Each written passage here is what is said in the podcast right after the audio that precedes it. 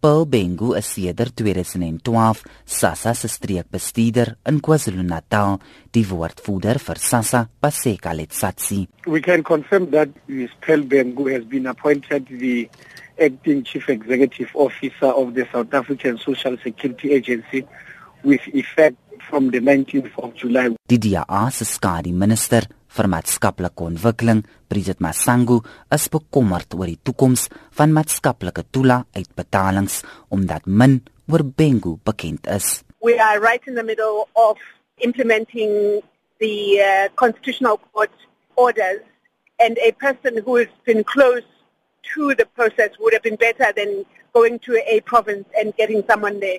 We strongly believe that this is another delaying tactic by the minister because we know that her appointing a acting CEO is her prerogative, but we believe that it could have been done by a person who is in SASSA. 'n IFP lid en lid van die parlementêre portefeulje komitee oor maatskaplike ontwikkeling, Liesel van der Merwe, sê hulle hoop dat Bengu bekwam is vir haar pos. Ons hoop dat sy sal hou by die bepalinge van die konstitusionele hof en sal verseker dat die departement en SASSA sal reg wees om 'n toelaag uit te betaal volgens die sperdatum wat die konstitusionele hof vir hulle daar gesit het.